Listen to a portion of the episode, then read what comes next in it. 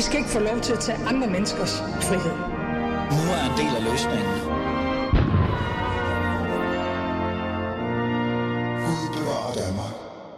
Ja, som altid, Gud bevarer Danmark. Velkommen til. Klokken er blevet 12.06, og du lytter til Alis Fæderland. Og mit navn er som altid Ali Amin Ali. Som jeg også sagde i går, og det holder jeg fast i faktisk i dag også, øh, nogle gange stopper vi op, og så inviterer vi en gæst ind, som vi faktisk synes er meget vigtig og interessant for fædrelandet. Det kan være en, en, øh, en stærk karakter, det kan være en person, øh, som er inden for et eller andet, men det kan også være en politiker, øh, osv. osv. Og her sidder jeg faktisk over for en person, som jeg mener, øh, og det mener jeg virkelig oprigtigt, er en meget vigtig person for fædrelandet, og det har, det, det har hun faktisk været længe. Men hvor hun så er nu, og hvad der så skal ske fremadrettet, det er jo så det, programmet reelt set kommer til at handle om. Lad mig bare introducere gæsten med det samme, kan jeg lytte, så I kan høre, hvem det er. Marie Krav, velkommen til. Tak skal du have. Øh, Marie Krav, øh, jeg siger, det er en, jeg har lagt, altså sådan på en eller anden måde har øh, ment har været vigtig længe i Fæderland, og det er jo fordi, jeg faktisk har fulgt din karriere længe i, i virkeligheden. Mm-hmm. Øh, og jeg har også en lille anekdote, jeg gerne vil dele. Øh, Jeg har faktisk delt den med dig allerede, men jeg vil gerne dele den med lytterne også lige om lidt. Men før vi gør det, så er du jo i studiet, Marie Krarup, fordi du er tidligere Dansk Folkeparti, øh, i hvert fald, i hvert fald folketingsmedlem, og du har været meget aktiv i dansk politik øh, længe. Det må man sige. Du har også været aktiv i samfundsdebatten, både national og international, øh, kvad din karriere, og det du reelt set også har erfaring med i forhold til øh, for eksempel international øh, politik osv. Så, videre. så du er jo en stærk øh, person. Kan man ikke sige det? Bare lige for at være sådan lidt Det fræk. kan da godt være. Det ved jeg ikke. Sådan ser jeg måske ikke på mig selv, men øh, det kan da godt være. Okay. Nå, men, men altså, ved du hvad, jeg konkluderer for dig, at det er du. Øhm, og, og kære lytter, før vi sådan reelt set går i gang, og jeg begynder at snakke om anekdoter og sådan nogle ting, så synes jeg lige, I skal også lige have lov til at være med i samtalen i dag, fordi I jo også, øh, altså, I har også mulighed for at stille spørgsmål eller komme i kommentar til øh, Marie her i dag. I kan sende en sms til 92 45 99 45, 92 45 99 45, eller gå ind på Facebook-siden Alice Fæderland og skrive kommentar og så videre øh, der. Så, Marie Krav, det har jo været en, en spændende rejse, må man sige. Ikke? Jeg plejer, når jeg skal lave sådan en en-til-en, så går jeg ind, og så bruger jeg Wikipedia, fordi hvorfor ikke? Det er der, de, folket også går ind og skriver en masse ting. Øh, og slår lidt op. Ikke? Øh, når man læser op herfra, så er du øh, Marie Graup. Du er dansk folketingspolitiker. Du er valgt ved folketingsvalget 15. september 2011 for Dansk Folkeparti i Esbjerg omegnskreds. Øh, og, og det er jo, altså 15. september øh, 2011, det er jo også øh, et specielt øh, sådan periode i dansk politik, kan man sige. Ikke? Altså efter 9-11 og så videre, hvor meget, altså hvad der reelt set skete. Ikke? Øhm, du er, og du må lige rette mig, hvis det er forkert det her, ikke? Øhm, du har taget en klassisk sproglig studentereksamen fra Ribe Katedralskole. Er det rigtigt? Ja. Ja. Øh, og så har du læst teologi på Aarhus Universitet, og, øh, og faktisk været på Forsvars Specialskole for at blive reserveofficer og sprogofficer med en grunduddannelse i russisk. Øh, det, er jo, øh, det, er jo, det er jo, det må man sige, det er da en god karriere uddannelsesmæssigt, må man sige. Og hvorfor, øh, hvorfor valgte du reserveofficer? Bare sådan lige at få det på plads. Det var for at øh, lære russisk. Jeg har altid været optaget af at øh, lære russisk og været optaget af russisk kultur. Og så havde jeg fået at vide, at øh, det eneste sted, man sådan rigtig kunne lære det, det var i forsvaret. Mm. Og øh, så synes jeg også, det kunne være sjovt at være soldat. Så så var jeg soldat og lærte russisk, og så læste jeg så russisk på universitetet bagefter, og har beskæftiget mig med russisk og Rusland den allerstørste del af mit liv. Mm.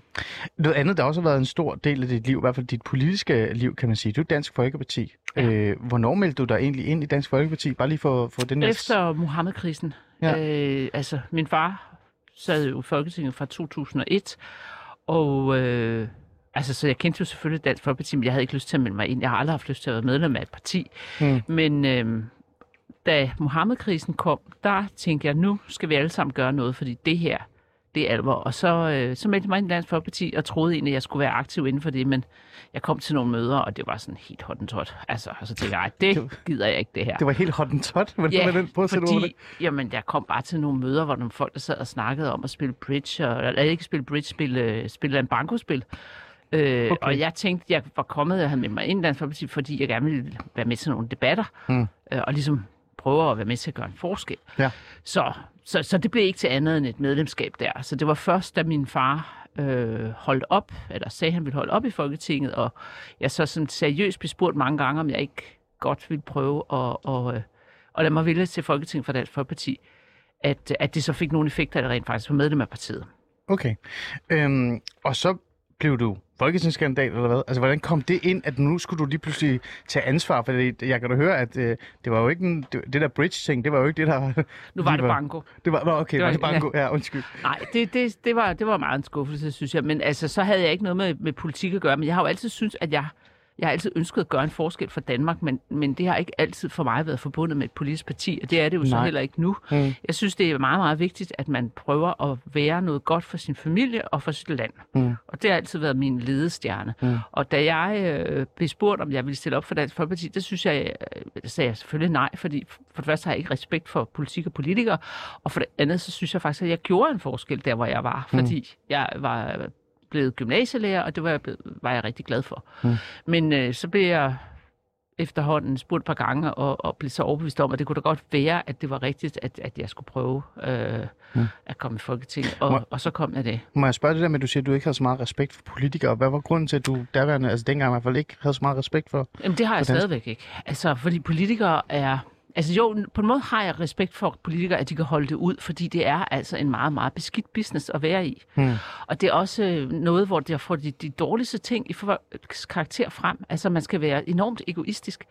Man skal elske at optræde, man skal elske at overdrive positive sider ved sig selv og fremhæve negative sider ved andre.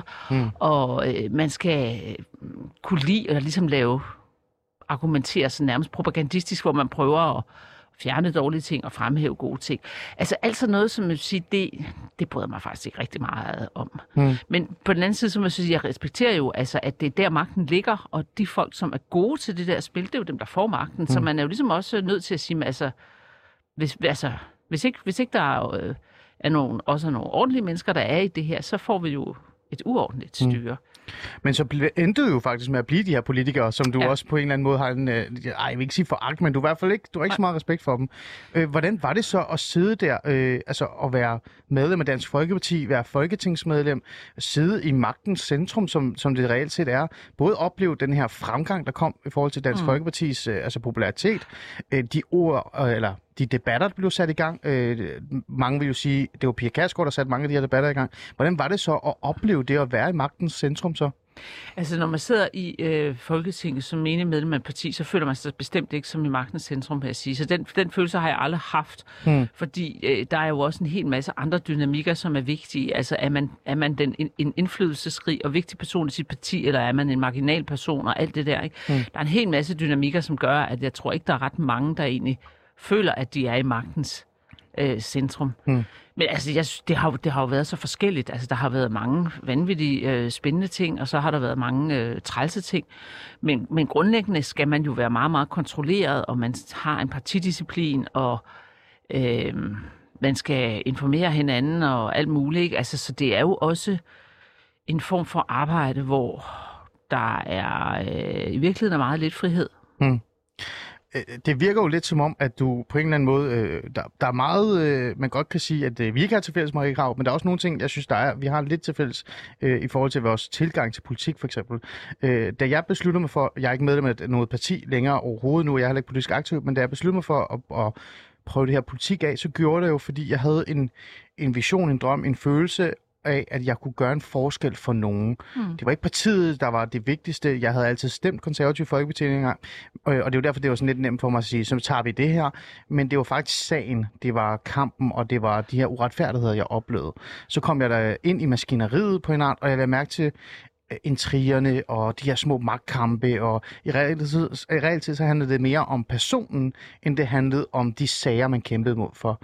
Øh, det virker som om, det er noget af det samme, du har oplevet, selvom du faktisk... Jeg kom jo aldrig i Folketinget, jeg, så langt noget jeg ikke, øh, men, men det er faktisk det samme, du har oplevet. Det er ja, ikke sagen, det er der er det vigtigste.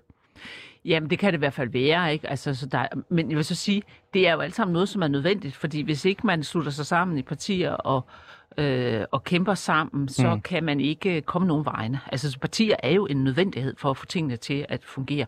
Men det er rigtigt, at det her med, for at du kan slå igennem som politiker, for at du kan blive valgt, så skal du jo tiltrække dig opmærksomhed. Ellers er der ikke nogen, der stemmer på dig. Mm. Og den eneste grund til, at jeg blev valgt, det var jo, at min far var kendt. Øh, jeg ville aldrig nogensinde kunne tiltrække den opmærksomhed. Fordi, Tror du ikke det? Nej, det ville jeg helt sikkert ikke. Hmm. Og jeg ville heller ikke have brugt mig om det. Det der med at rejse op og, og, og tale, og, og måske ikke fordi man har noget at byde ind med, men bare fordi det er vigtigt, at alle får mig set i dag. Mm. det, det har jeg det virkelig, virkelig, virkelig slemt med. Altså, det er dårligt med det. Det, mm. det kan jeg ikke gå til. Men alligevel så endte du jo med øh, den her øh, rejse, du har haft med Dansk Folkeparti, og da du var medlem af Dansk Folkeparti, at være en af de stærkeste stemmer i den offentlige debat, det var dem, det var, du var en af dem, man lagde mærke til. Marie Krav ved alle cirka, hvem er. Også selvom man ikke er sådan interesseret i dansk politik. Øh, tror du så bare, det kom af sig selv, eller var Ja, det fordi din... Det kommer din... af sig selv. Ja. Kommer af sig selv på den måde, at på det tidspunkt, hvor jeg blev valgt, der var det jo stadigvæk fy, fy, skam, skamme at sige, at islam er et problem i Danmark. Mm. Og hver gang jeg sagde det, som jeg mener er en fuldstændig banalitet, så var der jo tusind mennesker, der skreg og råbte, "Du- uh, hvad er det forfærdeligt, det du siger. Og derfor kom der opmærksomhed, men det bad jeg jo ikke om. Nej. Fordi jeg sagde bare nogle totalt almindelige banaliteter, og så blev folk ude af sig selv, og på den måde fik jeg opmærksomhed. Mm. Men den er jo ikke en opmærksomhed, jeg har fået de sidste år, fordi der er jo stadigvæk sagt det samme, og nu er det blevet den banalitet, som det faktisk har været hele tiden. Men nu er alle andre jo også opdaget, at islam i Danmark mm. er et problem. Øhm, men så skete der noget. Altså, det gjorde der jo. Det er jo derfor, du sidder her, og man kan kalde dig løsgænger i virkeligheden. Ja. Øh, du har jo været medlem af Dansk Folkeparti i rigtig, rigtig mange år. Du var, en af de øh, altså, mest øh, bærende stemmer, det kan man godt sige i samfundsdebatten. Også selvom du synes, det var sådan lidt tilfældigt, det kom. Men det var øh, Marie Krarup, der blev inviteret ind øh, i ny og næ, øh, når det var nogle vigtige debatter, der skulle tages. Øhm, men så stod du bare lige pludselig i, i, i et sted, hvor du tænkte, så kan jeg ikke være i det længere mm. øh, Marie Krav, bare lige for at starte et sted. Øh, hvornår kunne du mærke det?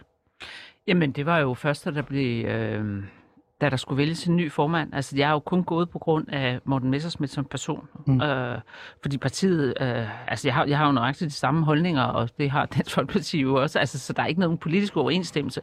Men jeg synes bare, det var forkert, at øh, Morten Messersmith skulle øh, være formand. Det ham har jeg ikke tillid til, øh, Mm. efter han er blevet blevet dømt og står foran en ny retssag, øh, så synes jeg, det var forkert af ham at øh, stille sig til rådighed som formand, og, mm. og derfor vil jeg ikke være i, i partiet. Men jeg bliver også nødt til at spørge dig sådan lidt, der var ikke noget politisk, der var ikke nogen, øh, nogen markeringer, eller nogen, noget, en, en, for eksempel en ændring på den politiske, øh, hvad kan vi sige, vej man tager, eller øh, de beslutninger man, man tager, eller de værdier man sætter højt lige pludselig Ja. i Dansk Folkeparti. Du, Dansk Folkeparti var Dansk Folkeparti, som du kendte, men det var personen, der gjorde, at... Øh, Ja, fordi jeg synes jo, det er forkert, at øh, en person, som står foran en retssag, som er blevet dømt en gang, eller står foran en retssag, stiller sig til rådighed for et parti mm. øh, som, som formand. Det, det duer ikke, når man selv går og taler om lov og orden, så kan man ikke øh, være formand. Mm. Så gav jeg det en chance, men øh, jeg synes ikke, at det fungerede, fordi jeg prøvede jo så, da han var blevet valgt, Ja. at, at få ham til at, så i hvert fald at love, at han øh, ville øh, forlade formandsposten, øh, hvis han blev dømt. Mm. Og det kunne jeg ikke få noget løfte om, og så tænkte jeg, så, så, så stopper festen mm. her. Og, og så var jeg jo så, så uheldig at opleve, at der så blev løjet øh, om, hvorfor jeg gik mm. med det samme. Så, det, så tænkte jeg, okay, så var det i hvert fald helt sikkert den rigtige beslutning, hvis man både har så dårlig moral, at man ikke vil forlade posten og har vist respekt for vores danske retssystem, hvis man bliver, bliver dømt, og man samtidig lyver om, hvorfor jeg forlader posten, så er der, altså, så, så er jeg glad for, at jeg ikke er der længere. Mm. Men altså, der er jo det, øh, den mulighed, at, at hvis øh, Morten Messersmith forlader posten, når hvis han bliver dømt, at, at så kan jeg jo måske øh, melde mig ind igen, og, okay. hvis, hvis man kan nå det før et valg. Det ved jeg jo ikke. Nej, så det vil sige, du udelukker ikke øh, en tilbagevending til Dansk Folkeparti. Det er personen, det er, det er et personspørgsmål, er- det her. Helt, helt klart. Det er, fordi jeg synes, det er forkert, at Morten Messersmith er formand, når han er i den situation, som han er i nu. Øh, Marie, jeg kan jo ikke undgå at, at, at lægge mærke til, at du snakker og fortæller mig det her med, at det, du vil gerne ind i politik, men alligevel var du også sådan lidt øh, irriteret og træt og farvet over, at det altid handlede om sådan noget personfnideri og, og interne diskussioner med hinanden, og hvem der er øverst, hvem er... Øh, det virker jo lidt som om, at du også selv er faldet i, den gryde på en måde. Men, men er det en principting mere, end det, end det er det her person? Nå, nej, det er klart, det er en principting på den måde, altså, at det, det drejer sig om den her øh, retssag. Altså, det er, jo det, det er jo det. Altså, kan man være ligeglad og trække på skulderen i lov- og ordenparti, når man har en, en formand, som er dømt nu, at dommen så godt nok blevet annulleret, mm. men som står foran en, en retssag, øh, og hvor han ikke vil give udtryk for, om han forlader formandsposten, hvis han bliver dømt. Altså, det synes jeg er et principielt spørgsmål, og det synes jeg, fordi det er jo ikke altså, som person. Det, det er det så blevet efter, at jeg så har fået stukket den her løgn i, Hvad er det for en løgn? Lad os lige så vores lyttere også skal være med, hvis altså, det, de ikke det, har fulgt det med var jo så, at der blev skrevet en, en, øh, en orientering til baglandet om, hvorfor jeg havde forladt øh, Dansk Folkeparti, og hvor det så blev sagt, at det var, fordi jeg havde en mere positiv... Jeg kan ikke, jeg kan ikke huske øh, ordlyden, hvad de sige, men, men, men øh, det, der var øh, indholdet i brevet, det var, at det var, fordi jeg havde en mere positiv holdning til Putin. Og, og, og det er jo sådan noget fuldstændig løgn. Hmm. Øhm, Har du en for positiv øh, Øh, nej, holdning til det har jeg ikke. Men fordi jeg har jo beskæftiget mig med Rusland så mange år i mit liv, og taler russisk, og har ofte været derovre, så ved jeg jo faktisk noget om tingene, og har jo prøvet at, og, øh, at fortælle om det, har skrevet mange debatindlæg, har skrevet en bog om øh, Rusland, hvor jeg prøver at nuancere debatten. Mm. Og det er det jo selvfølgelig af mine modstandere blevet misbrugt til at sige, at alt Mm. muligt, at, at jeg så skulle støtte Putin. Selvfølgelig gør jeg ikke det. Altså selvfølgelig har jeg et kritisk øh, blik på, øh, mm. hvad der sker i Rusland. De har et system, som absolut ikke er attraktivt, og som vi absolut ikke skal have i Danmark. Mm. Men derfor kan man jo godt beskrive systemet og beskrive de mennesker, øh, som er derovre, og derfor kan man godt have en, en, øh, hvad skal man sige, en rationel og en gennemtænkt politik over for Rusland. Mm. Og der har jeg kritiseret, at man har været meget følelsesfuld, og man har meget ladt sig forføre af en demoniserings... Øh, propaganda, som har været meget udbredt siden 2014. Hmm. Og det synes jeg har været meget, meget udgennemtænkt, dumt. Og vi, vi kan jo se resultatet af det nu, ikke? hvor der er kommet den her krig, som man sagtens kunne have undgået, hvis man havde magtet at, at tale med, med Rusland. Men at tale med Rusland, er det ikke også at tale med Putin? Jo. Som du netop klart, ikke er, er så stor fan af, kan jeg i hvert fald høre fra Jo, dig. men altså, i Folketinget taler vi jo faktisk også med, med folk, vi ikke kan lide, og som vi synes er meget, meget, meget, har Fair nogle nok. virkelig, virkelig dumme holdninger. Det er jo det, altså hvis, hvis man. Saudi-Arabien, for eksempel. Saudi-Arabien taler vi med, altså, øh, og, og der har man altså fået øh, portrætteret Rusland som en, øh, en form for slyngelstat, som det er umuligt at tale med. Mm. Og det har det ikke været. Det er det så nok nu. Mm. Øh, eller, det håber jeg ikke, Så det er, for jeg håber, der kommer frem til nogle forhandlinger på Ja, et tidspunkt. Ikke? Øhm, men, men, men det var ikke nødvendigt. Mm. Men de invaderede jo øh, øh, Ukraine. De invaderede et land, som er øh, et europæisk land, kan man jo godt sige, det er. Øh, Ja, ja Rusland er jo også europæisk. Rusland og Ukraine er jo begge to europæiske ja. lande. Ikke? Så Men det er to europæiske lande, der er Ja. krig lige nu. men, men jeg skal bare lige forstå rigtigt. Så det, du siger, det er, at øh, alt det her øh, kunne man have gjort før det. Ja. Men ændrede det ikke din holdning til Rusland? Altså, har, har, har det her ændret din tilgang til Rusland og din forståelse af Rusland, øh, men også selvfølgelig Putin på den måde, øh, efter den her invasion? Eller har du stadig den samme øh, altså, tilgang til Rusland Jeg har nu som før? den samme tilgang til Rusland og Ukraine, som jeg har haft hele tiden. Hmm. Det her var en krise, øh, en krig, der kunne være undgået, Hmm. hvis man havde øh, taget nogle af de advarsler, der kom fra Rusland alvorligt. Øh, og det, det må lige gøre, øh, altså, være opmærksom på, at dem, det går ud over, er Ukraine. Altså Ja. den der politik, vi har ført over for Rusland, har ført til, at Ukraine ligger på offerbrættet og bliver og bløder. Mm. Det synes jeg er, er virkelig, virkelig forfærdeligt mm. og, og sørgeligt. Mm. Mm. Men havde man taget nogle af de her bekymringer øh, alvorligt lang tid før, så var det ikke kommet til denne her øh, Mm. forfærdelige situation, som vi Mm. står i i dag. Du har talt med rigtig mange øh, medier omkring det her med Putin og Rusland, og du har også været ude og både forsvare dig selv og også prøve at nuancere debatten øh, i virkeligheden. Øh, og, og jeg vil jo gerne øh, selvfølgelig tale med dig om det også. Det er også det, vi er gået i gang med. Men, men jeg er jo også interesseret i, øh, hvordan det har påvirket dig. Jeg havde skrevet mit lille fantastiske... Nu skal du huske de her spørgsmål til Marie Krav, at jeg vil spørge, hvordan det var egentlig at komme ud af Dansk Folkeparti og, være, og stå selvstændigt, kan man sige, løsgænger. Men lad os lige vente med svaret på det spørgsmål. Jeg vil faktisk hellere hoppe hen til det her spørgsmål så omkring det her med, med Rusland og Putin. Øhm, hvordan har det egentlig været at stå i den her storm, som du er blevet udsat for? Det kan man jo godt sige. Mange har jo nærmest øh, beskyldt dig for at være øh, Rus- altså Putins højre hånd. Nogle har lavet sjov med dig, har jeg lagt mærke til øh, i offentlige medier, om at du kunne lige så godt bare få penge af Rusland, for det er jo, du er alligevel bare en propagandaspion, og jeg, jeg ved ikke hvad. Øhm, Marie Krav, lad os prøve at holde os til det personlige. Hvordan har det egentlig været at, øh, at opleve det her? Jamen altså, de der tåbeligheder har jeg heldigvis ikke hørt og ikke oplevet, så det er jeg jo blevet forskånet for. Men altså, jeg ved jo godt, at der er mange tosser rundt omkring, som tror skøre ting, og det må de jo så gøre. Altså, jeg har jo synes, det var befriende, at jeg lige præcis øh, ikke øh, var bundet af et parti, så jeg bare kunne tage til ord, og jeg bare kunne svare på alle de spørgsmål, der blev stillet, og det har jeg gjort. Havde jeg stadigvæk været medlem af Dansk Folkeparti, så havde jeg ikke kunne gøre det, fordi mm. jeg indgik en aftale med Dansk Folkeparti om, at jeg ikke skulle tale så meget om Rusland, fordi der netop har været den her demoniseringskampagne af Rusland, øh, øh, som gjorde, at hver gang man sagde noget om Rusland, som ikke var det der, det er fanden selv, altså, Mm. så, så blev man... Øh, så blev man øh, stemplet som noget forkert, og det tog enormt meget opmærksomhed. Og det, den aftale gik jeg med til Dansk Folkeparti, så derfor kunne jeg jo faktisk ikke forsvare mig, når jeg blev beskyldt for alt muligt. Det kan jeg jo nu, Mm. fordi jeg står helt frit. Mm. Så på den måde er det jo en, en befrielse. Og så ved jeg jo godt, der er jo, altså, ved du, folk kalder mig jo også racist. Altså, folk kalder jo en de mest åndssvage ting, når de ikke ved noget om tingene. Mm. Øh, og det må de da bare gøre. Altså, jeg, jeg glæder mig jo bare til, at der på et eller andet tidspunkt er nogen, der øh, holder op med kun at lade sig styre af sådan noget vanvittige og hysteriske følelser, og Mm. begynder at tænke. Og så kan det jo også være, at der var nogen, der så læste min bog, og nogen, der begynder at sætte sig ind i tingene, og så vil de jo opdage, at det, jeg har sagt, er faktisk fuldstændig lige så banalt og almindeligt, som den gang de blev hysteriske, eller i hvert fald nogen blev hysteriske over, at jeg sagde, at islam er et problem i Danmark. Ja. Så du, du nuancerer i virkeligheden bare, øh, i hvert fald hvis, du, hvis man øh, spørger dig. Øh, der er jo noget, der er sådan, øh, jeg, jeg bliver nødt til at lige spørge dig så.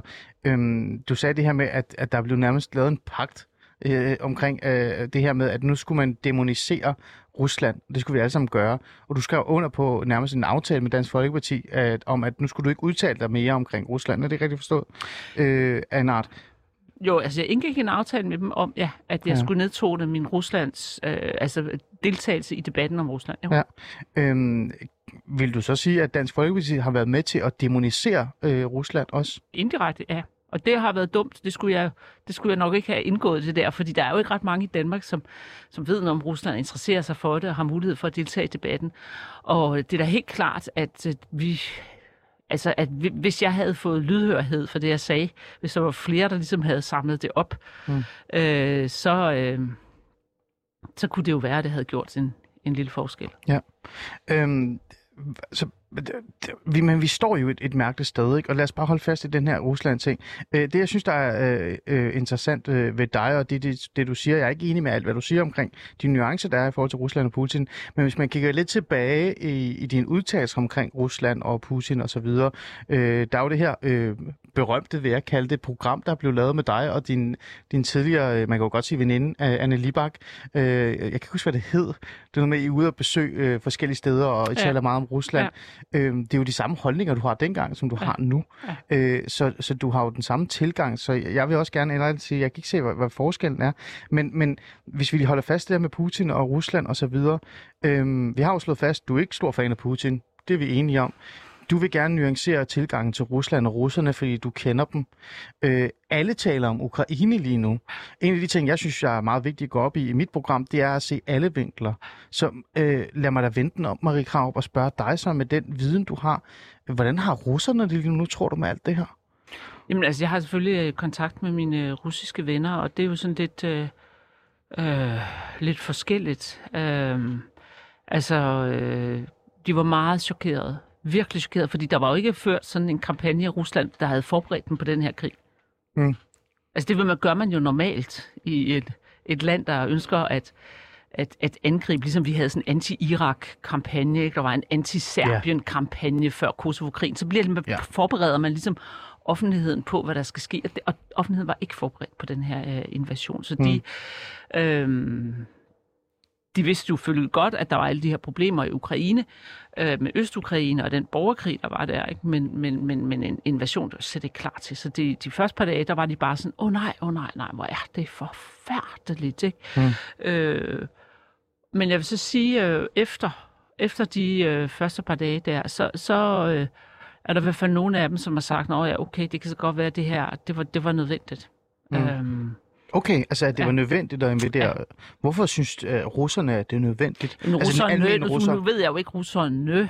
Nej, men... men, Men nu ved jeg, altså nu taler jeg om dem, som jeg personligt har kontakt ja, med, ikke? Ja, ja. Øhm, hvor, hvor de siger, men, altså, det kan godt være, at det er den eneste måde, man ligesom kan, øh, kan sikre Ruslands sikkerhed, er der en, der siger for eksempel. Ikke? Mm. Øhm, og en anden siger, jamen altså, hvis det er det, der skal til for, at man kan undgå den Øh, altså, at den konflikt bliver ved med at vare i øh, Øst-Ukraine, hvor der er 14.000 mennesker, der er blevet dræbt. Ikke? Der har jo været en borgerkrig i otte år. Ja, det har der. Så, så, så er det måske det. Ikke? Altså, så, så jeg kan mærke, at, at nogle af mine venner, de bliver sådan mere, når ja, okay, Mm. så var det måske det. Ikke? Og så er der andre, der, øh, der er antikrig, ikke? og som gerne vil øh, demonstrere og, øh, øh, og sige, at det er, det er helt forkert. Ikke? Mm. Så det, det, det spreder sig på, på forskellige øh, Mm.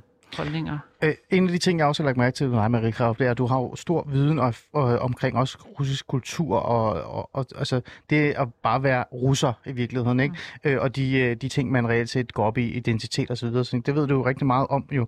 Så, så jeg tænker sådan, hvis jeg spørger igen fra en anden vinkel, øhm, hvad tænker du så sådan, altså her fremadrettet i forhold til russernes måde at se på os på efter det her?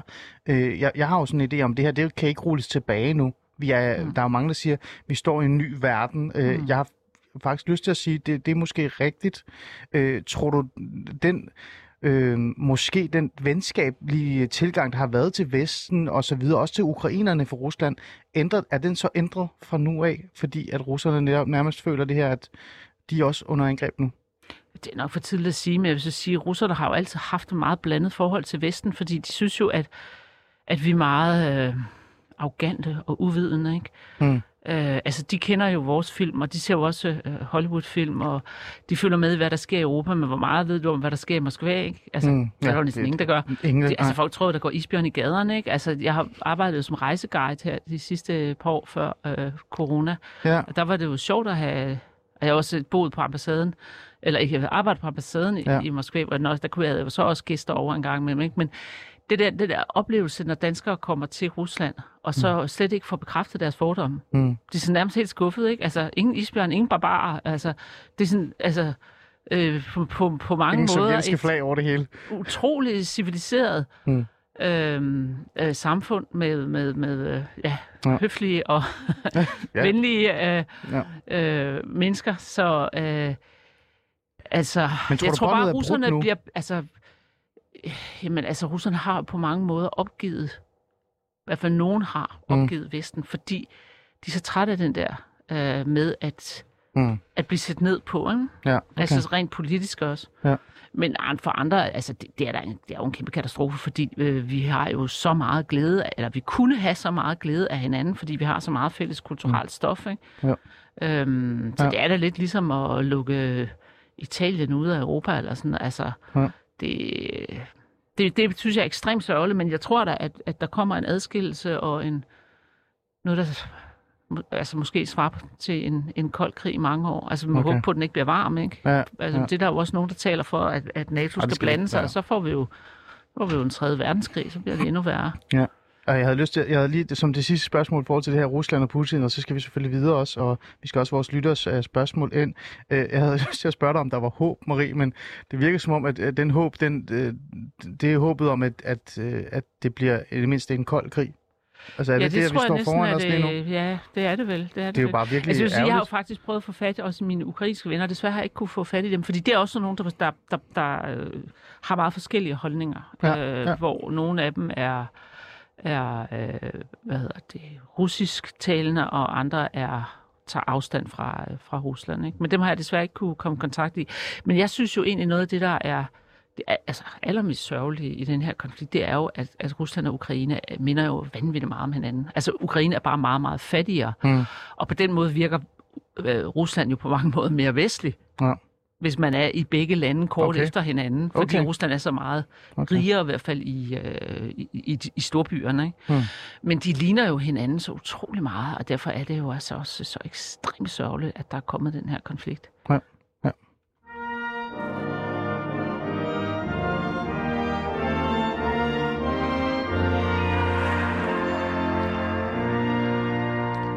Du lytter til øh, Alice Fæderland, som altid, fordi klokken er jo 12.35, og vi har lige brugt de sidste 30 minutter øh, på at tale lidt om øh, Marie Kraups rejse, både i forhold til det her med at gå ind i politik, være en del af Dansk Folkeparti, blive en offentlig stemme, som mange lægger mærke til. Noget, som på en måde har været lidt tilfældigt, hvis man spørger Marie Kraup, men, men jeg vil nu sige, at det er nok, fordi hun har haft en, en skarp stemme i debatten.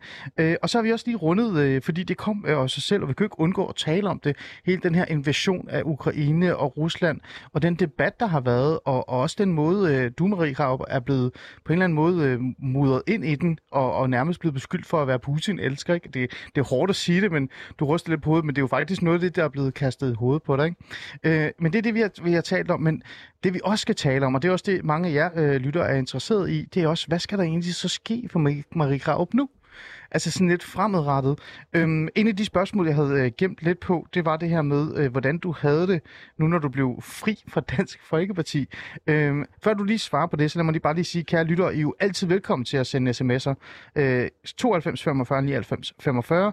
Skriv ind, jeg tager dem op med Marie lige om lidt, eller gå ind på Facebook-siden Alice Faderland. Men det her spørgsmål, øhm, nu spurgte jeg dig sådan, øh, og det kom jo lidt naturligt i virkeligheden, men lad os lige prøve at dreje lidt tilbage sådan lidt. Øhm, så blev du jo løsgænger nu er du løsgænger. Ja. Du er ikke en del af Dansk Folkeparti længere. Øh, det er faktisk lidt nyt for mig, at det du sagde, at du godt kunne finde på at tage tilbage, hvis Morten Messerschmidt ikke er der. Det vidste jeg ikke før. Øh, men hvordan er det så egentlig at sidde der og være løsgænger? Jamen, altså, jeg har ikke sådan mærket det så meget, fordi nu har der været den her debat, som har kørt på de høje navler, hvor jeg har prøvet at, at sige ja til så meget som muligt. Altså det her med, med Rusland. Så jeg, egentlig ikke så meget, jeg har nået at mærke det, men det er da en... Øh, en anderledes følelse, men det er også en, øh, altså det er også en befrielse, øh, okay. fordi man netop øh, kan stå frit. Ikke? Mm. Øhm, er der andet end Rusland, øh, øh, der har der sådan, altså for eksempel, da du sagde, da jeg, da jeg spurgte om Rusland, sagde du, det var befriende, at du endelig kunne deltage i samtalen, ja. for du har fået den her mundgå på nærmest, kan man sige, ikke? Du er nærmest blevet cancelled af dit eget parti.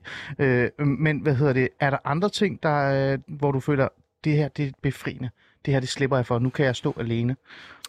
Nej, øh, det synes jeg ikke. Jeg synes, at det, det her med at, at, at slippe for den her skygge, der bliver kastet over en, en, en over mig som mine medlem af en gruppe, hvor der er en, en formand, som jeg ikke har tillid til, ikke har respekt for, og som altså ikke burde være der. Ikke? Altså, mm. det slipper jeg for. Mm.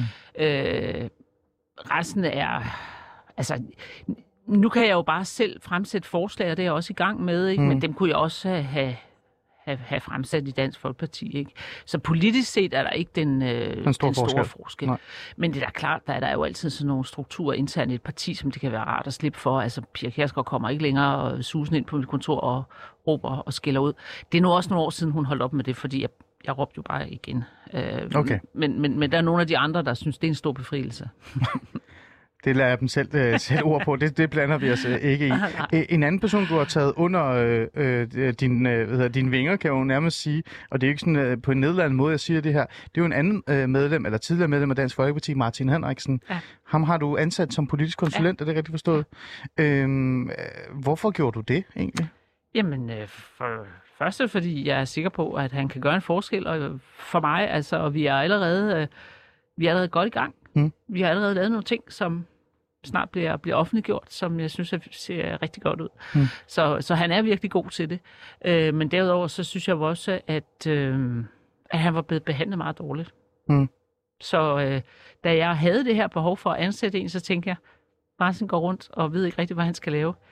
Og jeg ved, at han vil være super god til det, som jeg har behov for. Mm. Så det passede bare rigtig godt. Okay. Og så blev han, øh, ja. Øh, ja, og han er allerede ansat. Og han er, sagt, han er vi, har, vi har, ja, og okay. vi har allerede lavet ja. noget super godt politisk arbejde, som snart kommer ja. ud af offentligheden, som, ja, ja. som bliver godt. Nu skal, nu skal jeg det, her, det her skal ikke handle om Martin Henriksen. Det er jo, nu spørger jeg, fordi vi netop snakker om det der med, at du er løsgænger og hvad, hvad er fremtiden. En af de ting, som Martin har sat på dagsordenen for ham selv i hvert fald, kan man jo så sige, og, øh, uden at, at, at nævne dig så, det er jo, at han er i gang med at eventuelt at starte et nyt parti. Han har i hvert fald anmodet om et navn, øh, og så videre, og så videre. Øh, man kan jo ikke lade være med at tænke lidt over det, ikke? du, Marie Kraup, er en, en, en kendt offentlig stemme. Øh, du har en, en god fanskare, kan man sige, ikke? Fanskare af en art. Martin Henriksen kommer ind under dine vinger. Han er i gang med at anmode om et, et øh, partinavn. Er I ved at øh, lave et nyt parti, eller hvad? Altså, jeg er ikke, og, og hvis Martin er det, så må han gøre det i sin fritid. Øhm, så. Nej. Der er ikke mere der? Nej, Nej, det er der ikke. Altså, jeg er færdig med politik. Jeg Er glæder mig til, at der bliver udskrevet valg, så jeg kan komme i gang med noget fornuftigt. Fordi det er, jo, det er jo mit næste spørgsmål, og det, det er jo sådan i forhold til det der med, hvad skal der egentlig ske fremadrettet? Øh, jeg kan huske, du sagde det her med, at nu, nu vil du ikke mere. Jeg tror faktisk, det var før alt det her, der skete. Uh, det er lang tid siden. Der sagde du jo, at du ikke vil opstille længere. Er det ikke rigtigt, Marie? Det er rigtigt, jeg husker det, er, det. det er ret lang tid siden, Ja. og vi har solgt vores hus og flyttet hen til et billigere sted, og i nærheden af der, hvor jeg skal arbejde. Og så, så, så det er jo sådan en langsigtet proces, Mm. som er øh, sat i gang, øh, Mm. og jeg glæder mig rigtig meget til at, at komme ud af Folketinget. Så ikke mere politik? Nej, ikke mere politik. Hvorfor, Marie Rav, hvis jeg må spørge? Nu har jeg aftalt min værnepligt. Jeg har jo ligesom levet min fars liv altså i 10 år, og øh, nu vil jeg godt leve mit eget liv. Mm. Altså, jeg er glad for, at jeg har været der. Jeg er glad for, at jeg tror, at jeg på nogle områder har gjort en forskel. Men jeg har aldrig været rigtig det, jeg sådan virkelig ønskede for mig selv. Mm. Øh, jeg var ekstremt glad for at være gymnasielærer, og det glæder mig til at blive igen. Og jeg er så så heldig, at jeg kan nå at tage et ekstra fag, så jeg får et nyt fag at undervise i, når jeg kommer ud.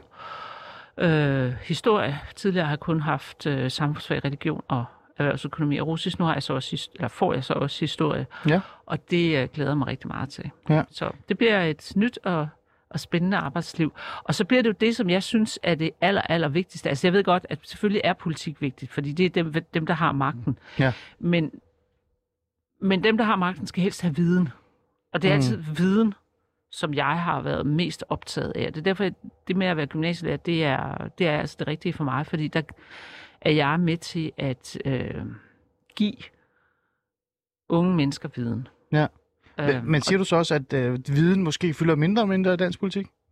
Altså, at Øh, nej, men det har du gjort for mig på den måde, altså at øh, grundig viden er ikke noget, som politikere som regel rigtig har tid til. Ikke? Altså du kan se den her Ruslands-debat, som kører sådan fuldstændig overfladisk, ikke? Mm. Hvor folk mm. ved alt om Rusland siden i torsdags. Ikke? Hallo. Altså Rusland opstod lidt før torsdag, mm. ikke? Ja. og den her konflikt med Ukraine har været i rigtig, rigtig, rigtig mange år. Ikke? Mm. Øh, men det der med den overfladiske viden, det kan man godt blive træt af. Og jeg har altid godt kunne lide at trænge dybere ned i nogle emner. Og det er jo så det, jeg kan som, som gymnasielærer. Og så kan jeg give en, nogle unge mennesker øh, nogle arbejdsredskaber og, Mm. mm. og noget viden, de kan arbejde Mm. mm. videre med. Og det synes jeg er en meget, meget vigtig mission at have i livet, at give andre mennesker viden. Hvad med den offentlige debat? Trækker Marie Krav så også fuldstændig ud af den offentlige debat, øh, når hun bliver gymnasie, eller det er gymnasielærer, ikke? Jo. Ja. Det ved jeg ikke. Det, det, det finder jeg ud af. Jeg vil sige, den offentlige debat er jo noget, der virkelig tager meget tid. Mm. Man kan jo ikke bare lige deltage i P1-debat kl. 12 til 1, hvis man øh, samtidig underviser på Nørre Sundby Gymnasium, ikke? Ja. Altså, øh, det er så ikke der, jeg skal undervise, men altså, det, Nej. det, man skal bare lige huske på, at dem, der er i debatten, jo også meget tit er sådan nogle professionelle debattører, Mm. øh, og ikke altid er udtryk for almindelige mennesker. Nej. Det er faktisk den der, altså det der De kommentariatet, som man, man, man taler om, Ja. er jo faktisk øh, tit mennesker, der bor i København og har en højere uddannelse. Ikke? Altså, de, de er ikke nødvendigvis repræsentativ. Men det er sådan set et argument for, at der også er andre, der skulle deltage. Ja. Men jeg ved det ikke. Jeg ved ikke, om jeg får tid til det, og om jeg har lyst til det, fordi det er der, også, der er der også en omkostning ved det. Der altså, er der som sagt, at det er der træls altid, og, eller ikke altid, men ofte, at blive kaldt grimme ting og sådan noget. Mm. Mm. Det er da irriterende. Du er jo lidt en, en stærk øh, kvinde, vil jeg sige. Du, du virker øh, sådan lidt Iron Lady-agtig af en art, ikke? Ligegyldigt om, om man kan være enig med dig eller ej. Og du siger også til mig, du ryster lidt på hovedet over den storm, du mødte øh, i forhold til det her med Rusland og Putin, mm. og blive kaldt nærmest Putin-elsker, jeg ved ikke hvad. Øh, men øh, siger du også lidt her nu, at når du kigger lidt tilbage, så har det også øh, ramt dig? Altså, øh, der har været perioder, hvor du har følt, at det her, det er for meget, det her, det gør ondt, eller hvad? Nå, men det er da træls. Øh, Det er det da. Men det er jo ikke noget, man skal lade sig, lade sig tryne af, og man skal da jo alligevel øh, deltage i det, synes jeg. Men det er da klart, det er da ikke, det er da ikke særlig morsomt at blive kaldt sådan nogle direkte, øh, hvad skal man sige, øh, ja, grimme ord og, og, og løgn, løgnagtigheder. Det, det er det da ikke. Hmm. Så derfor er det da vigtigt, at man, får, at man har mulighed for at forsvare sig. Ja. Men jeg vil da øh, selvfølgelig foretrække ikke at skulle blive udsat for sådan noget. Især ikke, når jeg siger sådan noget, som jeg synes er sådan fuldstændig banalt og selvindlysende. Ligesom det der med, at islam er et problem, så er det også, synes jeg, fuldstændig selvindlysende, at Rusland som stormagt har nogle røde linjer. Og det kan godt være, at man ikke kan lide det, og det kan godt være, at man synes, at geopolitik er ondt, men den er der bare alligevel. Mm. Det er lidt ligesom vand løber opad. Ja. Eller ikke løber opad, ja, undskyld, ja, vand løber nedad. Vand løber ned. Jeg håber, det løber nedad. Ellers så kan være, virker det her billede ikke så godt. Vel? Nej, nej.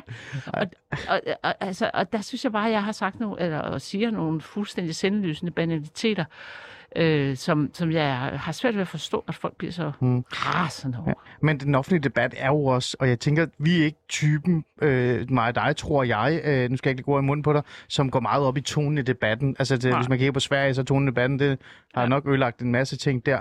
Øh, så jeg tænker, modsvaret til dig, når du siger, at islam er øh, alt islam er fuldstændig gal, og, og Rusland og russerne er ikke øh, sådan, som I beskriver dem. Er det ikke okay at få noget tilbagesvar? Altså, Og jo, selvfølgelig. Altså, jo, jo. altså, er det ikke okay, at man stiller spørgsmålstegn ved dig, og hvor, hvor skarp du er, og hvor generaliserende du måske er? Jo, helt klart. Og den debat skal man hele tiden tage. Mm. Øh, nej, det er kun der, hvor man bliver fordrejet, og det, øh, Ah. det synes jeg er, i meget høj grad har været udsat for i islamdebatten og i Ruslandsdebatten. Mm. Ikke så meget, når det drejer sig om undervisning og øh, gymnasieskolen, hvor jeg jo også har været meget aktiv. Der kan man faktisk få en virkelig nuanceret og, og savlig debat, Okay. heldigvis. Vi skal huske vores gæst, øh, vores, ikke vores gæster, vi skal, vores gæst har vi husket. Jeg synes, at, at vi har en god snak, men vi skal også huske vores øh, lyttere, så lad os lige tage nogle af spørgsmålene der. Øhm, øh, du behøver sikkert, at jeg læser dem bare op. Øh, Jeg tænker, det er nemmere. Øhm, en af vores lyttere spørger, hvad, hvad laver man som løsninger i Folketinget? Skal man lave sine egne opgaver? det er jo meget ja, man spørgsmål. laver øh, det samme som parti. Man vil sige, øh, altså, jeg, jeg skal jo stadigvæk stemme, Mm. og jeg kan jo stadigvæk gå på talerstolen, så det vil jo sige, at jeg skal selv sidde og finde ud af, hvad jeg skal stemme, hvor man Ja. tidligere jo havde, eller Havde medlem af et, et, et parti, så bestemmer man jo internt i partiet, man skal Mm. mm. stemme. Her skal jeg jo selv finde ud af det, så på den måde kan man sige, at jeg har fået, fået mere at lave. Mm. Øh, men det er jo på en måde også blevet mere spændende. Ja, det er sjovt. Jeg kan godt lide, at der er sådan nogle praktiske spørgsmål til dig. Folk Ja. er sådan meget interesseret i det der med at være løsgænger. Ja. Ikke? Øh, hvor har man kontor som løsgænger, og hvordan ser en typisk arbejdsdag ud som løsgænger? Altså nu er det, som medlem af Folketinget er der aldrig typiske arbejdsdage. Alle dage er altid forskellige, og man mm. ved ikke, hvad der sker, og hvornår arbejdsdagen slutter. Og man har jo heller ikke weekend og sådan noget. Altså på den måde, man er jo altid, altid på, fordi der kan altid en journalist, der kan ringe, og man kan altid være med i et eller andet. Ikke? Mm, Mm. Men inde i Folketinget er der kun afstemninger om tirsdagen om torsdagen. Mm. Øh, og der øh, skal man så være der. Øhm, jeg har stadigvæk det samme kontor, fordi vi er jo en hel gang. Altså, vi er jo seks personer, der har forladt Dansk Folkeparti. Og Det vi sidder, mange. vi sidder tilfældigvis ved siden af hinanden. Så det Okay. vil sige, at det er en hel gang, der har meldt sig ud Dansk Folkeparti. Okay. Så vi bliver siddende. Okay. Og jeg har et helt fantastisk vidunderligt øh, kontor, hvor jeg har været så heldig at finde nogle malerier nede i øh, magasinet i øh, Okay. Christiansborg. Så jeg har sådan helt, altså når jeg går meget op i malerier, har nogle helt vidunderlige malerier på, Mm. mm. på min væg. Så, så det er jo en stor glæde, at jeg må få lov at blive på det kontor, indtil mm. der bliver skrevet valg. Er du stadig på samme, den samme gang, altså Dansk Folkeparti-gangen, men jeg er bare deres egen? Eller Ja. Er det ikke mærkeligt? Øh, jo, og de har også i, øh, fra Dansk Folkeparti's side ønsket at flytte os, øh, Okay. og det har de så ikke kunnet.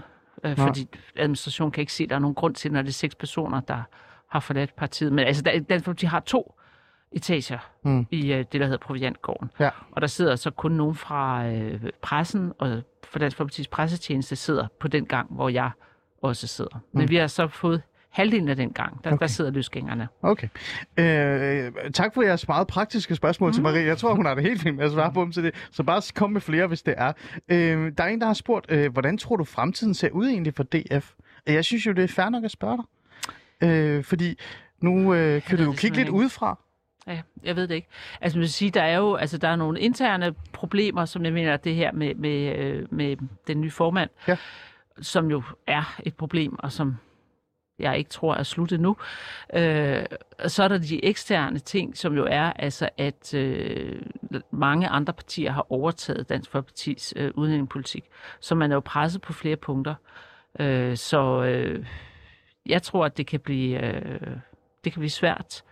Jeg har jo hele tiden plæderet for, at Dansk Folkeparti skulle laves om til et øh, nationalkonservativt parti, mm. øh, som øh, nok ikke vil være et, sådan et stort populistisk parti. Øh, men det kan jeg jo ikke... Øh, altså, der, der mener jeg, at der har man øh, lavet har man nogle problemer i udgangspunktet, så jeg tror, at det skal være et nyt Dansk Folkeparti, der gør, der laver sig selv om til sådan et øh, seriøst nationalkonservativt parti. Fordi selvfølgelig kan man ikke have en formand, der er dømt for, øh, som formand for et nationalkonservativt parti med lov og orden. Og så mener jeg også, at man lavede en stor fejl ved at øh, sige, at man gik ind for et forbud imod mod øh, religiøs omskæring, fordi det er heller ikke, det kan slet ikke høre til i et rigtigt. nationalkonservativt parti. Hmm. Så det er, øh, så vil sige, altså, hvis Dansk Folkeparti skal overleve, så mener jeg, at det skal laves om til et seriøst nationalkonservativt parti, men jeg kan bare ikke se, at det er det, der sker lige nu. Nej. Så jeg, jeg tror, at Dansk Folkeparti risikerer at få øh, nogle problemer. Men man kan også sige, at Dansk Folkeparti har også på nogle punkter jo, på det helt store emne med udlændingepolitik, der har man jo vundet. Ja.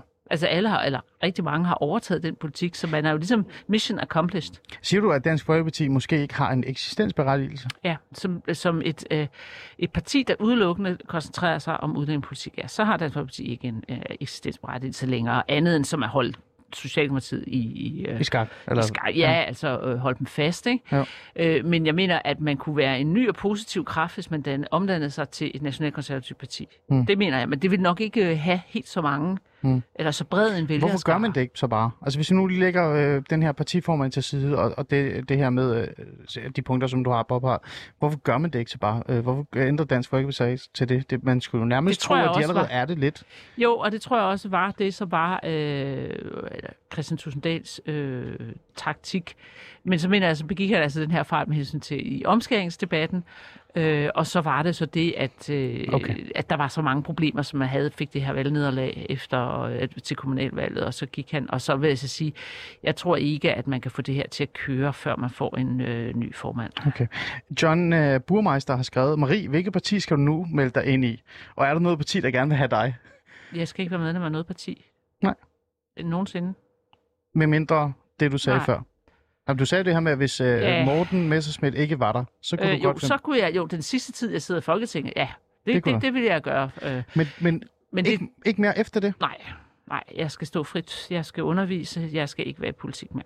Og heller ikke, og heller ikke bare være almen medlem af et parti? Det kan jeg ikke se for mig, nej. Nej. Øh, der har jo været snak om det her med, at Inger Støjberg, øh, 24-7, jeg tror det var reporteren i vores program, Morgenprogrammet, havde lavet sådan et, øh, en undersøgelse, og der var stor opbakning blandt danskerne, hvis, altså i forhold til Inger Støjberg, hvis hun lavede sit eget parti. Øh, vil det være noget, der vil lokke? Det tror jeg ikke, fordi altså, den, altså, jeg synes, at Ruslandsdebatten er så vigtig, og jeg synes, det her med at stå for en realistisk udenrigspolitik er ekstremt vigtigt. Og der er jeg øh, altså den eneste i Danmark, i det danske folketing, der taler for en realistisk udenrigspolitik. Og jeg tror ikke, at Inger Støjberg vil være interesseret i at, at have det som et punkt. Hvis hun var det, så kunne jeg måske et kort øjeblik overveje det. Hmm. Øh, fordi jeg mener, det er den eneste ordentlige ja. måde at føre udenrigspolitik på. Mm. Mm. Øh, men det tror jeg ikke, hun er, fordi jeg tror ikke, hun har fokus på det. Og jeg er så død hamrende træt af politik Okay. at jeg skal ikke... Øh, altså, jeg, jeg vil jo gerne hjælpe øh, Inger Støjberg, for jeg har, hun har min meget, meget store sympati. Mm. Øh, så jeg vil gerne hjælpe med alle mulige praktiske ting, men øh, jeg tror altså ikke, jeg bliver medlem. Nej. Men du har ikke været i kontakt med Inger, vel? Du har snakket med Inger Støjberg? Jo, jeg har snakket øh, med hende, fordi øh, da jeg blev løsgænger, havde jeg jo selvfølgelig en masse praktiske spørgsmål. Hvordan gør man? Hvad skal man? Øh, øh, så på den måde har jeg snakket med hende om. Okay. Men, øh, men, men med, det, det med parti og sådan noget, det ved jeg ikke noget om. Øhm, jeg vil gerne lige trække i din erfaring her til sidst også, øh, før vi sådan runder det hele af. Øh, det er lang tid siden, der har været så mange løsgængere i, i, i Folketinget. Øh, ja. Det, du har jo mere øh, altså, indsigt i historien, end jeg har, men jeg tror, vi, vi skal virkelig, virkelig mange år tilbage. Ikke? Øh, det her løsgænger-fænomen, øh, er det, er det et positivt, er det et sundt tegn på det demokrati, vi har? Vi har så mange løsgængere lige nu. Jeg ved det ikke. Altså, jeg tror ikke rigtigt, jeg har en holdning til det, fordi jeg synes, det er jo, det er jo helt specifikke historier alt sammen. Så jeg ved ikke, om man Mm. sådan kan sige, at, at der er en fælles, at, at der er noget, der forener alle de her historier. Altså, Nasser Carter er blevet løsgænger af en særlig årsag, Lars Løkke er blevet løsgænger af en anden helt særlig årsag, og så er der Alternativet, der er gået i smad, og, og altså det hele er... Altså, men man kan måske sige, at personsager har fyldt meget, ikke? Det Mm. kan man måske sige er en fællesnævner for dem alle sammen. Ja. Øhm, og på den ene side vil jeg sige, at det måske negativt, at man tager personsager så alvorligt. Men på den anden side er det jo positivt, fordi altså, øh, man skal vel også stille nogle høje krav til dem, der sidder i Folketinget. Altså, Ja, jeg synes jo, altså selvom jeg er blevet enormt ked af, at jeg er blevet løsgænger, fordi jeg synes, det er forkert. Altså, jeg vil aldrig normalt sige, at at jeg ligesom skulle gøre opmærksom på mig selv på den her måde ved at forlade et parti. Men, men jeg synes bare også, at jeg kom til et punkt, hvor jeg måtte sige, at her stopper festen altså. Jeg kan ikke blive ved med at bakke op om det her, når jeg ikke kan få at vide, om jeg, jeg kommer til at sidde med en formand, som, som er dømt for dokumentfalsk. Det, det vil jeg simpelthen ikke finde mig i. Hmm. Øhm, altså, og der synes jeg måske, at det er, da, det er vel positivt, at man stiller de krav til hinanden, at man skal være ordentlig. Hmm. Øhm, men jeg, du siger, jeg, er ikke, jeg er ikke sådan klar til at have sådan en fuldstændig færdig holdning, både i næren om, om det er godt eller dårligt, eller hvordan det egentlig er. Nej. Hvad med meget, meget kort her øh, i forhold til øh, den borgerlige fløj så? Øh, jeg vil jo sige, at det, det er du jo måske nok en del af, øh, håber jeg stadig, du er. Øh, hvordan, hvordan tror du, det ser ud øh, for dem her de, sidste, de næste par år, når der er så masser af løsgængere og partier? Og... Ja, det synes det ser meget, meget, meget svært ud. Men jeg vil sige, jeg er også meget, meget skuffet over den borgerlige fløj. Altså, øh, jeg synes, de har svært ved at, at træde karakter. Altså, det er de her fuldstændig afsindige misforståelser i udenrigspolitikken, hvor mm. man tror, at øh, Ja. En eller anden neokonservativ retning om, at man skal indføre liberalt demokrati over hele verden, det åbenbart skulle være smart. Det synes jeg er meget, meget skuffende. Så det ser, det ser lidt... Øh, Jeg synes, det ser skidt ud. Ja. Ja. Her til sidst, så vil jeg bare gerne lige runde vores snak af. Øh, Vi har jo været igennem mange ting. Vi har været igennem din rejse. Vi har snakket om Rusland. Vi har snakket om, hvordan det har påvirket dig. Både at blive løsgænger være i øh, Dansk Folkeparti, men også være i den her øh, Rusland-ting. Øh, Marie Krav, nu kommer min lille anekdote, øh, som jeg ja. Har allerede nævnt dig øh, over for dig. Jeg mødte dig første gang, jeg mødte dig, det var for mange år siden, eller ikke mange år, et par år siden, i et program øh, lavet af Clemen Kærsgaard. Det var sådan en øh, talkshow-agtigt program, hvor jeg kom ind, og jeg tror faktisk, du var den eneste, der sad i den her sofa, og jeg kom ind og satte mig ved siden af dig, og så stillede du mig nogle skarpe spørgsmål, før du overhovedet sådan rigtig spurgte mig, hvad jeg skulle, øh, hvad jeg lavede, og hvilke partier jeg var medlem af. Og så sagde jeg, og dengang der var jeg medlem af Dansk, eller Konservativ Folkeparti, og så sagde du til mig, prøv at høre, det er ikke partiet, der er det vigtigste. Det er værdierne og det, man slås for. Er det den Marie Krarup, vi nu kommer til at se de næste par år? Det er værdierne, der er det vigtigste, og så er det farvelpolitik. Er det de Ja. sidste ord, vi skal Jo, have med det her er til det, sidst? men jeg vil så sige, at min værdi vil jo som gymnasielærer være at øh, give viden til mine elever. Der skal jeg jo ikke stå og præge nogle bestemte værdier andet end viden. Mm. Men om jeg vil deltage i, i debatten, det, øh, det ved jeg ikke. Men jeg synes jo, at jeg kan give noget til Danmark ved at være Mm. Lærer. Så Mm. det, på den måde er det selvfølgelig en værdi, jeg gerne vil give videre. Og det vil, er selvfølgelig, øh, det vil være mit centrum her. Men der må der stadig være nogle ting, hvor Marie Krarup, den her øh, værdipolitiker, værdikriger kan man også sige, vågner op om morgenen og tænker, det her det er fuldstændig galt, det skal være gjort noget ved. Hvad vil du sige til den Marie Krarup så, øh, meget kort her, øh, hvis du møder hende, øh, efter du er meldt ud på Jamen, det kan da godt være, at jeg vil skrive nogle artikler og sådan noget. Jeg kunne også godt tænke mig at skrive en bog. Og det kan godt være, at jeg også vil lave det. Men først og fremmest vil jeg gerne øh, være god til, til mit arbejde og give noget viden til, til nogle gymnasieelever. Okay. Så det er ikke igennem politik, eller en, vi ser ikke en tilbagevending. Eller man kan jo aldrig sige aldrig, eller hvad? Man kan aldrig sige aldrig, men jeg, det skulle godt nok undre mig, for jeg synes, jeg har fået nok politik. Okay. Og du har ikke planer om at lave det eget parti, vel, Marie Krarup? Fordi jeg synes, Nej. der er mange partier nok. Det har jeg, Jeg kan ikke følge med jeg slet ikke. længere. Okay. Jamen, jeg bliver nødt til at spørge her. Ja. til Ej. sidst. Nej, okay. Ingen, ingen kravparti i, i, i, i Nej, vente jeg glæder mig fremadrettet. til at forlade Folketinget, selvom det også har selvfølgelig været meget spændende oplevelser at være med. Okay. Øh, Marie Krav, mm, tak fordi du vil komme og bruge 55 Selv tak. minutter med mig. Jeg håber, du øh, øh, fik mulighed for at sige de ting, du gerne vil sige. Det var netop det, der var meningen med det her program. Jeg synes, at vi lige skulle vente om at faktisk høre, hvad Marie Krav reelt set havde at sige, også i forhold til Rusland. Øh, og det synes jeg, du, jeg håber, du er mulighed for det. Og til, til lytterne, tak fordi I øh, stillede de her spørgsmål, I nu gjorde, og, og faktisk øh, blev med at, at være med i den her samtale. Øh, det er vi jo altid rigtig glade for. Og det kan I gøre igen øh, på mandag og næste uge, fordi det her det er jo sidste afsnit i, i den her uge, fordi i morgen, der sender øh, Alice Fæderland jo ikke længere. Vi sender ikke om fredagen. Der er et andet program, der hedder Banat, som I, jeg synes, I alle sammen skulle lytte til. Det er noget helt andet. Der, der er ikke så meget øh, fæderlandsagtigt på den her måde. Der er måske noget fæderlandsagtigt på en anden måde. Men så har jeg også lavet lidt reklame for dem. Så igen, tak fordi I vil være med, Marie Kraup. Øh, tak fordi du vil være med. Og den der anekdote, jeg kom med, det er faktisk noget, der, der sat sig i mig. Øh, igen, ligegyldigt om vi er enige eller ej. Det endte jo faktisk med, at den snak, du havde med mig, hvor du sagde til mig, det er jo ikke partiet, der er vigtigt, det er værdierne, du kæmper for. Det var faktisk en af de store grunde til, der gjorde, at jeg meldte mig ud, i, uh, ud af politik i, i 19, og meldte mig fuldstændig ud af konservativ folkeparti, og ikke var med i uh, ja, politik længere. Så den tak skal Jamen, du i hvert fald have med. tak. Det er jeg da glad for, at hvis jeg har haft en positiv indvirkning på dig. Tak. Det er jo det. Ja. Med de ord, så siger jeg bare tak for i dag. Nu er der nyheder.